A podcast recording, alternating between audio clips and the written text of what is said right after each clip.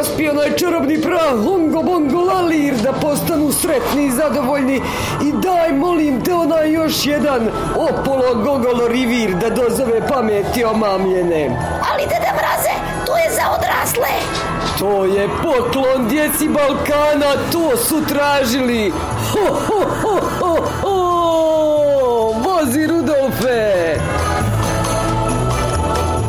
neka nam je sretna nova 2021. godina i uzdravlje. Živjeli!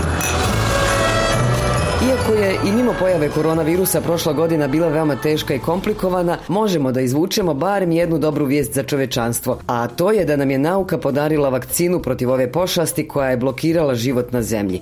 I živjela nauka, hvala joj. A mi hajde da u ovoj godini damo svoj maksimum pa da sebi i drugima učinimo to da nam svaki dan bude lakši i ljepši, a svi to možemo.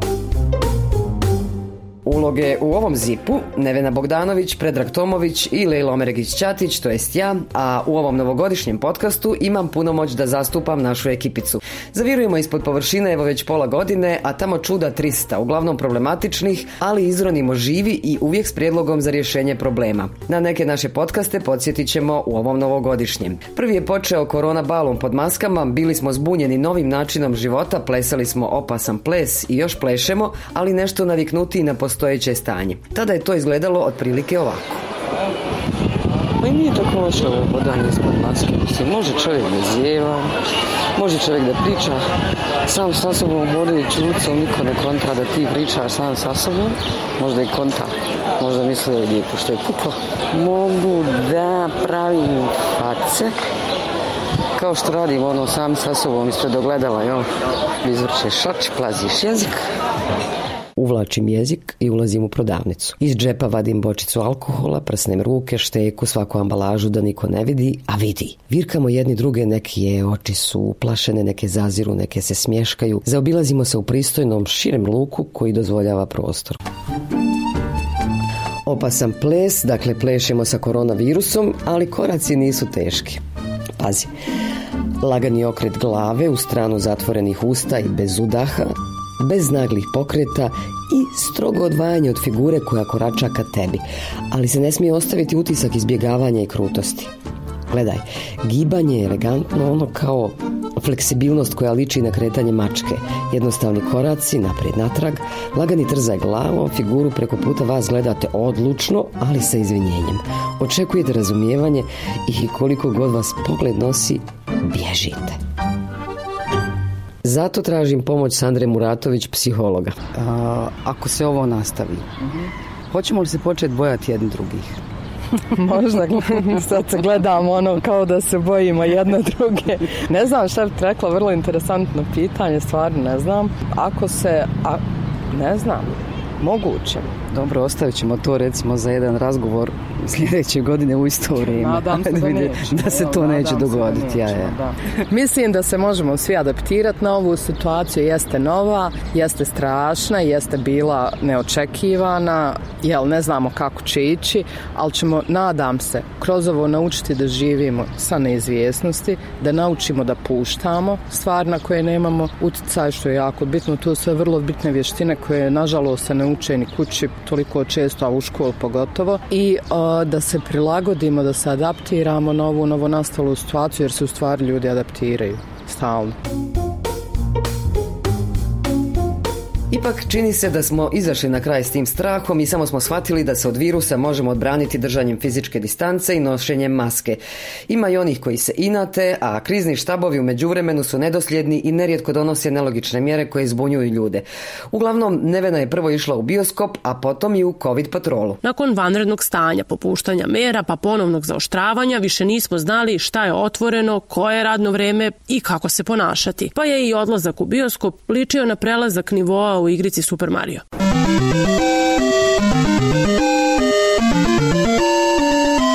Jednu kartu za film Otac sad u 15 za 9. Pa mala je sala 9 redova, hoćete neki peti red u sredini ili osmi sa strane? Peti u sredini. Je li ima gužve? Ne. Jeste i vi jedva čekali da se otvori bioskop? A šta ste radili ovih šest mjeseci? Pa ništa, svako imao neke svoje obaveze. Ja sam, na primjer, završio vožnju i dao neke ispite i tako. Još nešto za vas? Ništa više, hvala ti. Jedino o čemu ja sad razmišljam to je da li da kupim grickalice i sok za filmsku projekciju ili ne. Ljudi oko mene su kupovali, a ja se dvoumim, prosto ne znam kako ću da jedem ako sam obavezna da sve vreme filma nosim masku. I tako se i ja zajedno sa ostalim građanima svakog dana i dalje pitam. Kad je šta obavezno, pa proveravam vesti, šta je rekao krizni štab, šta kaže vlada, koje mere preporučuju stručnjaci koji se ne slažu sa politikom zdravstvenih vlasti i onda dođem i do pitanja ko nadgleda kršenje mera i kolike su kazne. U oktobru, kada je pandemija ponovo uzela maha, u sred centra Beograda proveravala sam ko nosi maske i krenula u COVID patrolu. Još jedna uobičajena slika, nastup uličnih umetnika. Ono što bi međutim trebalo da bude uobičajeno jeste da građani u ovako velikoj gužvi nose maske, međutim slika je u ovom momentu nešto drugačija. Većina građana koji su ovde i koji su se okupili da gledaju nastup uličnih umetnika nema maske. Srećem dvojicu prodavaca hrane bez maske i počinju opravdanja. Nosi kako nosi. Dobro, ali je na bradi. Na bradi, kad iđu mušterija stavi masku. A mušterije nose masku? Većinom da. Prodajete hranu, zašto ne nosite masku? Nosim masku, kako ne nosim? Pa evo sad je nemate. Pa nemam što da radim, hajde, da ubim. Vidiš, svaki, svaki nema. Nemoj tako da budeš, budeš malo. Pa vidim, vidim da ni građani nemaju. Da li neko Pa ne. proverava to? Jel vam prilaze komunalni policajci, sanitarni Policajci inspektori? ne, pa ne drži ni jedan maske na polje. Međutim, maske ne nosi ni patrola komunalne policije koju sam srela u sred Knez Mihajlove. Dobro veče, Radio Slobodna Evropa, ja se izvinjavam, zašto komunalna policija ne nosi maske? Zato što je preporuka napad, nismo grupa i nismo zatvoreno prostor. I odoše. I dok Nevena i ja u to vrijeme malo izletimo do grada da napravimo poneki razgovor i venemo od čežnje za morem, Peđi je čas posla skoknuti do Budve i naravno da smo bile ljubomorne ko ne bi bio. No i tamo je isti problem, korona je stigla, stanje nije dobro i turizam je pred bankrotom. Ipak more je i najtežim trenucima lijek, osjetit ćete i sami taj ambijent. Evo me u Budvi, kod zidina starog grada, preko puta hotela Mogren. Nevjerovatna slika, zaista gotovo da je ovaj plato potpuno prazan. Čini se da je Budva ovog septembra grad koji definitivno pripada Budvanima, budući da ostalih nema. Nema stranih turista ni približno koliko ih je bilo u isto vrijeme prošle godine.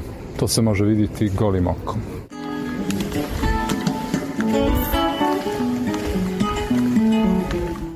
Ja sam Alex, Alex, Alex, odakle si? ja sam iz Rusije. Pa otkud Budva? E, Ja živim tu oko pet godina.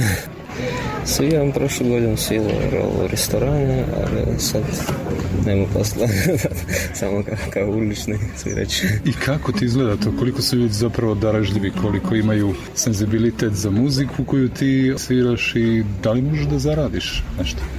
Imam još, e, ne znam kako, Drugi posao. jeste nešto na internetu, prodajem tabulature, ponekad imam neke časove, Hmm. A recimo šta sviraš? Sviram svi stilove, ja, ja volim samo melodičnu muziku. I, i klasiku, i jazz, i evergreen. Znači, pet godina živiš u Budvi. Da li ti je ova sezona, ova godina, ovo ljeto neobičnije u odnosu na prethodna zbog koronavirusa? Da li je manje ljudi? mnogo, mnogo manje. Mnogo manje. Mm. Šta to znači u smislu tvog posla? Dakle, ostao si bez jednog posla u restoranu, vjerovatno iz razloga što je manje gostiju, manje turista. Da li očekuješ da ćeš do kraja sezone ajde kažem, nešto zaraditi za sebe i za, za, da imaš neki skroman budžet za zimu, što bi rekli.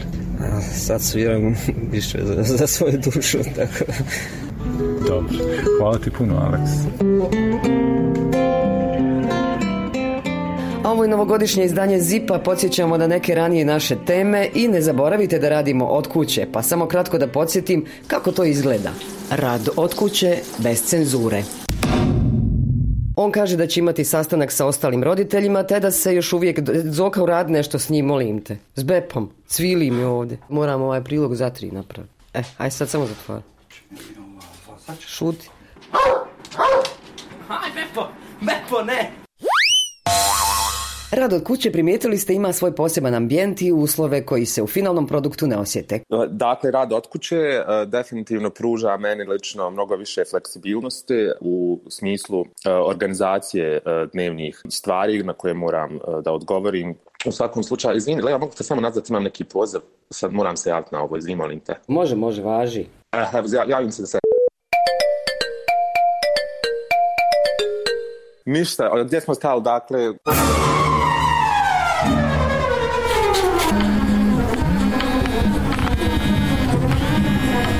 alarm, iz kreveta skačem, umivam se, perem zube, pa doručak s nogu. Otvaram sad laptop, pored njega kafa. Evo vrijeme za sastanak. Biznis Skype upravo mi zvoni. Bepo na mačku laje, sad mikrofon gasim. Okuplja se porodica i svi u pidžami. Doručku je red. A onda slijedi. Dobar dan, može li izjava? Može li na Viber? Ugasi TV. Mogla bi Pavlaku vratiti u frižider. Sinu u sobu upadam ja, ostavi gitaru. 10 minuta tišine. Muž dobacuje, treba mi snimač za pola sata, imam intervju. Dobro, ja ću brzo. Imam tužilaštvo. Muziku sad gasi. Šta ćemo za ručak? Da naručimo nešto. Ja ne mogu gluten. Ja bih neko meso. Neko zvoni. Ko će otvoriti? Ja ne mogu pratim pres. Ja vodim radionicu na Zoomu. Ja sam na online nastavi.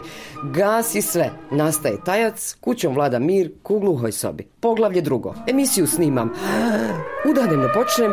Iz bašta u glas čopor pasala je. Dosta svađe, smirite se. Čekam da se smire. Ima jedan s motorkom što pili drva svaki dan. Ne znam u lokaciju, za ručak se smiri, no neredovno jede. Udanem da krenem, emisiju da snimim, ali sad je vrijeme za molitve razne. Mu jezim prvo s obližnjem udare, iza njega drugi, treći kreće i crkvena zvona pridruže sa njima. U duhovnom skladu ovdje si sreću istok i zapad. Pišem, snimam, poliram, čistim, montiram, češljam, šaljem rokove da stignem. Stigla! Za to vrijeme, zapravo već duže vremena, teoretičari zavjere ne jenjavaju. Ima ih svuda na svijetu, pa Balkan po tom pitanju i nije specifikum. Jedan od mojih podcasta govorio je o vakcinama, odnosno antivakserima, pa ćemo pored ostalog čuti šta im poručuju Tijana Cvjetičanin iz portala Raskrinkavanje i imunolog Jasenko Karamehić, a uhvatili smo se i u kolo s vakcinom.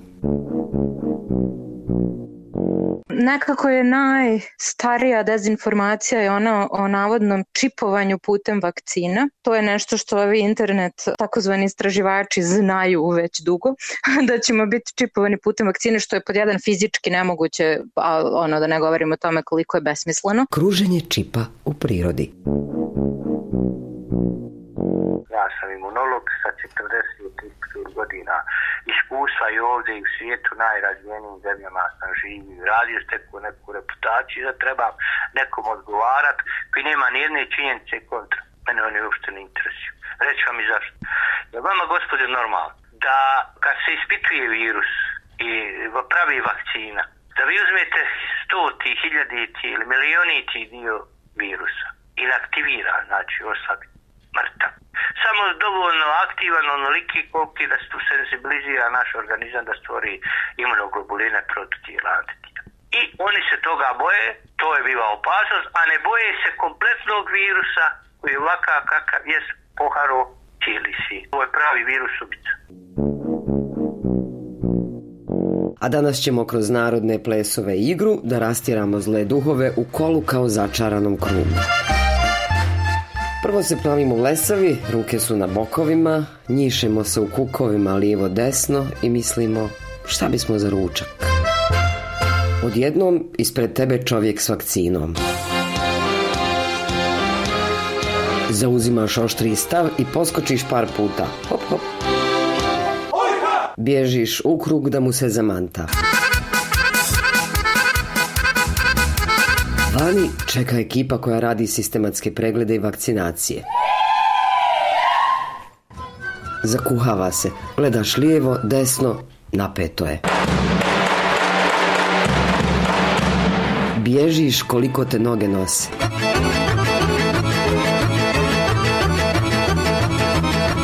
Staneš i pomisliš, od čega li ja bježim?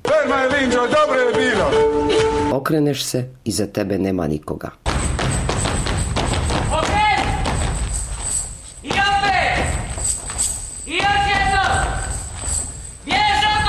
Ili se možemo jednostavno vakcinisati. Ako sam preživio BCG, preživjet ću i ovo. Uostalom svjedoci smo koliko je bolesti ljudskih iskorijenjeno zahvaljujući vakcini. I u to doba je bilo koji su govorili ma kakva vakcina, to je priča, to je zavjera, to je ovo, to je ono. U zadnje vrijeme vidimo i da te redovno vakcinisanje ima otpora kod stanovništva. I što se dešava? Dešavaju se opet dječje bolesti. Struka je struka ipak. Mi ćemo svi biti podložni, ne znam, utjecajem ovoga, utjecajem onoga. Struka je struka. U međuvremenu broj oboljelih od koronavirusa raste, svima trebaju vakcine i odgovorno ponašanje, a najmanje i načenje i kovanje koje kakvih lažnih priča, jer pate i oboljeli i medicinski radnici i cijeli zdravstveni sistemi. Gužve su po bolnicama i ambulantama, ljudi čekaju satima.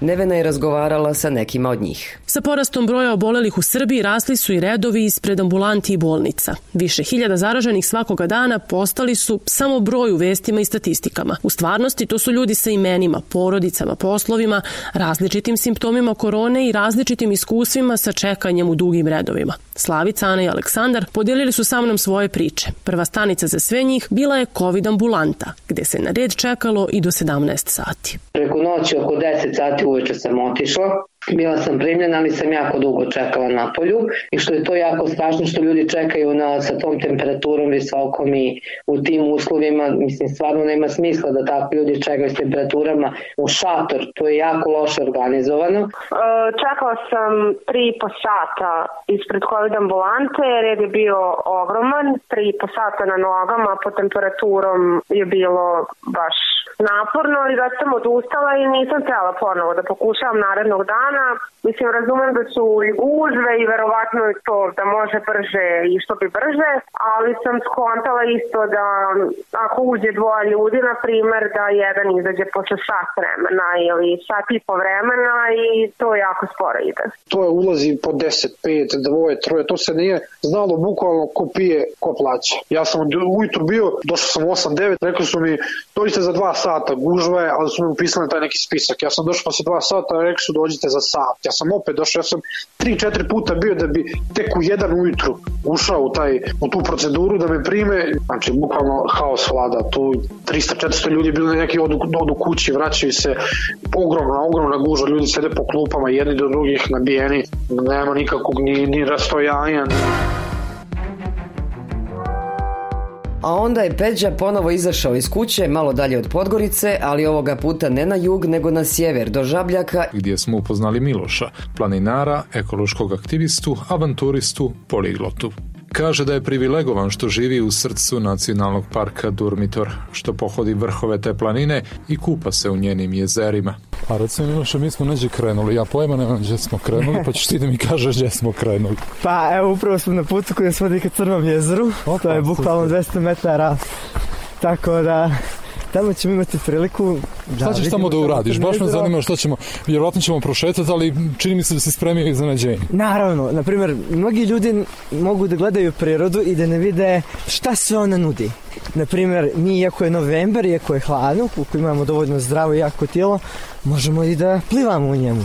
I zašto Nećeš da ne? valjda. Naravno da hoću. Čisto da biti jedan sa prirodom, to znači biti sa njom u svim godišnjim dobima i da nam ona da benefite koje ne možemo dobiti u gradu.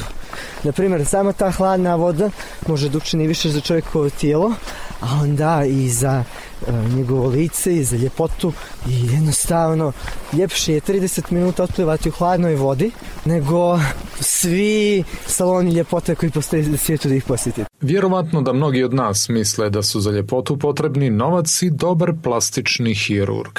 Miloš ipak kao beauty treatment praktikuje kupanje u ledenim vodama Crnog jezera.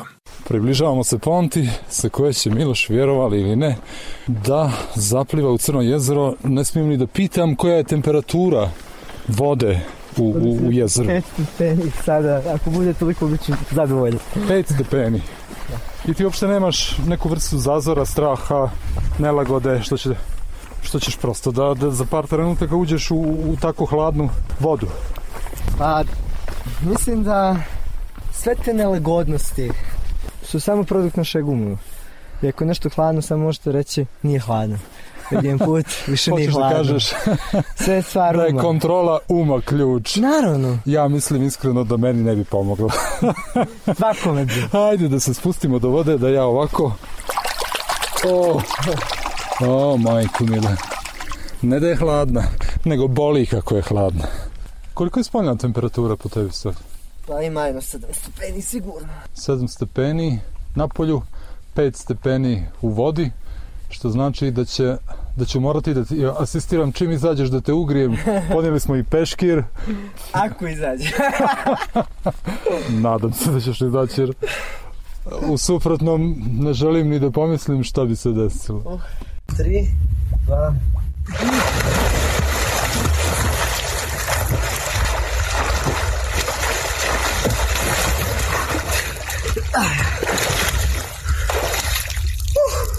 Miloše, preživio si. Pa naravno. Kakav je osjećaj bio zapravo? Um, pa adrenalin je uvijek lijep.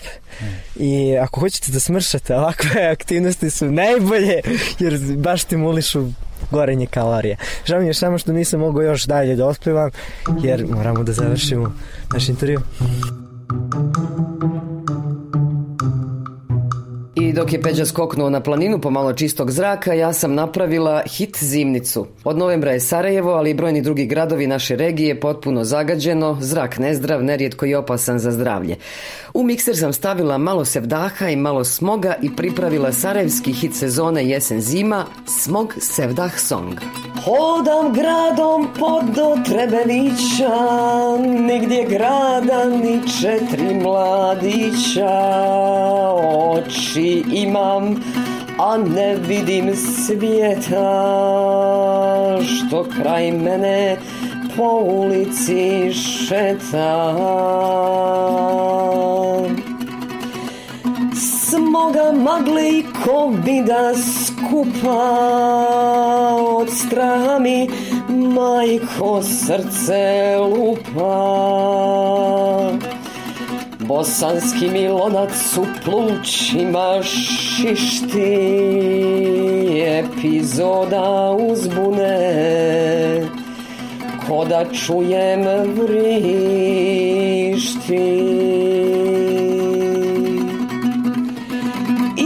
Zraka kvalitete 400 i bježi. Mandal penđer i bagla me steži. Men se čini opet prvi smo u svijetu. Vlast nam dobro naloži. Ovu kvalitetu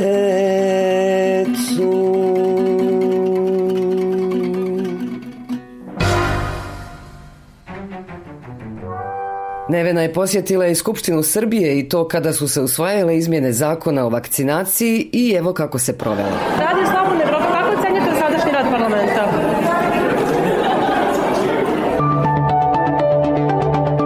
pitanje postavila sam poslanicima vladajuće većine u Skupštini Srbije. Više od 20 poslanika prolazilo je pored mene po izlasku iz skupštinske sale, ali se na pitanje niko nije osvrnuo. Možda bi građanima sa strane delovalo da je izveštavanje iz Skupštine glamurazan posao, a u realnosti to ovako izgleda. Sedite u skupštinskom holu, na ekranima se prati zasedanje u sali.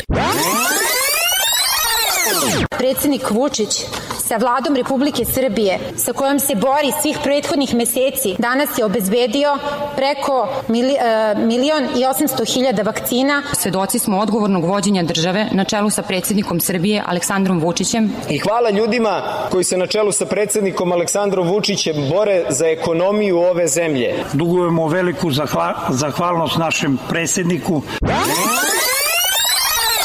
Preskonferencije u ovom sazivu su redke i vi čekate da Ivica Dačić odredi pauzu pa da ulovite sagovornika. Do tada šaljete poruke. Dobar dan, Radio Slobodna Evropa, snimamo podcast kako radi parlament. Možemo li da dobijemo izjavu? Poruka poslata na 1, 2, 6 brojeva poslanika vladajuće većine. Pristaje samo poslanik Srpske napredne stranke Dragan Šormas. Slabo su raspoloženi da sa medijima pričaju mlađi Ko? poslanici. Mlađi pa pustite ih malo. Pustite ih malo, treba da se Pa uhodaju. da pričaju ili date? Naravno da smeju da pričaju, ali neka ih malo. Pa ja kad sam ušao u skupštinu, ja sam bio mutava mečka u odnosu na ovo danas. Što se bosansko-hercegovačke politike, a samim tim i društva tiče, priča u ovih 25 godina od potpisivanja Daytona je preduga i prekomplikovana pa ću je zipovati. Čujmo šta je rekao sociolog i politički analitičar Esad Bajtal, a potom i kratak opis moje domovine. Prije svega Bosna i Hercegovina nema društva. Ako je društvo neka socijalna cijelina, koherentna, uravnotežena, onda mi to nemamo. I zaista nemamo, to je neka skupina od 2-3 miliona ljudi koja je popucala po etnoj klerošavovima koji se uzajamno ne podnose i ponašaju se po onoj metafori rogova u vreći. U tom smislu mi smo jedna razbijena ne država jer to tako hoće oni koji nemaju ni svijesti, ni morala, ni osjećaja za, za moderno vrijeme u kome živimo, dakle pa i zanimaju prošlost i podjele i hoće to oni koji njima služe. Moja zemlja ima plavo nebo, ima i sivo također. Moja zemlja ima potok više njih. Ima i zeku i potočiće, livade rosne i olimpijske i na olimpijske planine, ne zna se koja je ljepša. A tek rijeke kakve ima, u mojoj zemlji ovce imaju slobodu, niko ih ne čuva. A ima ovaca, izbrojati ih ne možeš. Ima moja zemlja i društvo, ima ljude, puno ljudi. Ali kako nam je brdovita, a mi na sve strane dovikujemo se s brda na brdo, e, hej, svi u glas, pa se ne razumijemo i ne čujemo. Odokativno nako ima nas i, i, i. Moja zemlja ima i kafane, ima kafanu idu dani, a ima i onu svak svoje zna. Ima moja zemlja još svašta nešto nenapisivo je. Ima eto državu neopisivu. Stvarno jest. što se žitom zlate Onda dođu migranti, a bosansko-hercegovačke vlasti žive ne znaju ni šta će s nama. Ne odgovara se na njihove osnovne ljudske potrebe, mnogo njih bez smještaja, zdravstva, hrane, vode, higijene, bez ičega. Došla je zima i skoro humanitarna katastrofa jer BH vlasti nisu u stanju da se dogovore, a granice evropskih zemalja prema kojima su krenuli su im zatvorene. Evropska unija je ostavila Bosnu i Hercegovinu u e, vrlo teškoj situaciji. Ovo je nefunkcionalna zemlja e, kojom upravljaju političari koji upitno je koliko zaista znaju e, i mogu raditi prema zakonu i prema onom što bi trebali da rade u ovom trenutku. E, jednostavno mislim da je cijela deklaracija o ljudskim pravima nestala u ovim trenucima kada je ova grupa u pitanju. Ali ono što je najvažnije, a na što Bosna i Hercegovina apsolutno ne može uticati, to je stvar u rukama Evropske unije, je otvoriti granice i pustiti slobodan protok ljudi da žive onako kako zaslužuju kao ljudi. To je rekla Nidžara Ahmetašević, urednica magazina Kosovo 2.0 koja se godinama bavi pitanjem kršenja ljudskih prava osoba prisiljenih na migracije. Jedna od njih je desetogodišnja Sonja iz Sirije koja živi i pohađa nastavu u Centru za izbjeglice nadomak Beograda i ima velike planove za budućnost. Šta bi ti voljela da budeš kad porastiš? Hoću da budem, da radim iz, ili ja da pravim neki organizacija ili ja da radim tamo koji pomaže za oni koji nemaju ni pare ni negdje da živeju.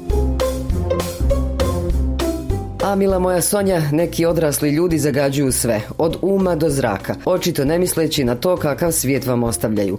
Nadam se da će tvoja generacija i svi zemalja svijeta birati bolje ljude. A Sonja bi prema onome što je zaželjela mogla biti buduća kolegica Ninete Popović, voditeljice odjela komunikacija za razvoj UNICEF u BiH, koja poručuje. Očekivanja stanovništva od onih koji donose odluke trebaju biti usmjerena u, u to kako odgovoriti na potrebe djece i kako ispuniti prava djece Mi tokom predizbornih kampanja vrlo rijetko čujemo da se govori o tome e, gdje su naša djeca i gdje će biti za narednih nekoliko godina.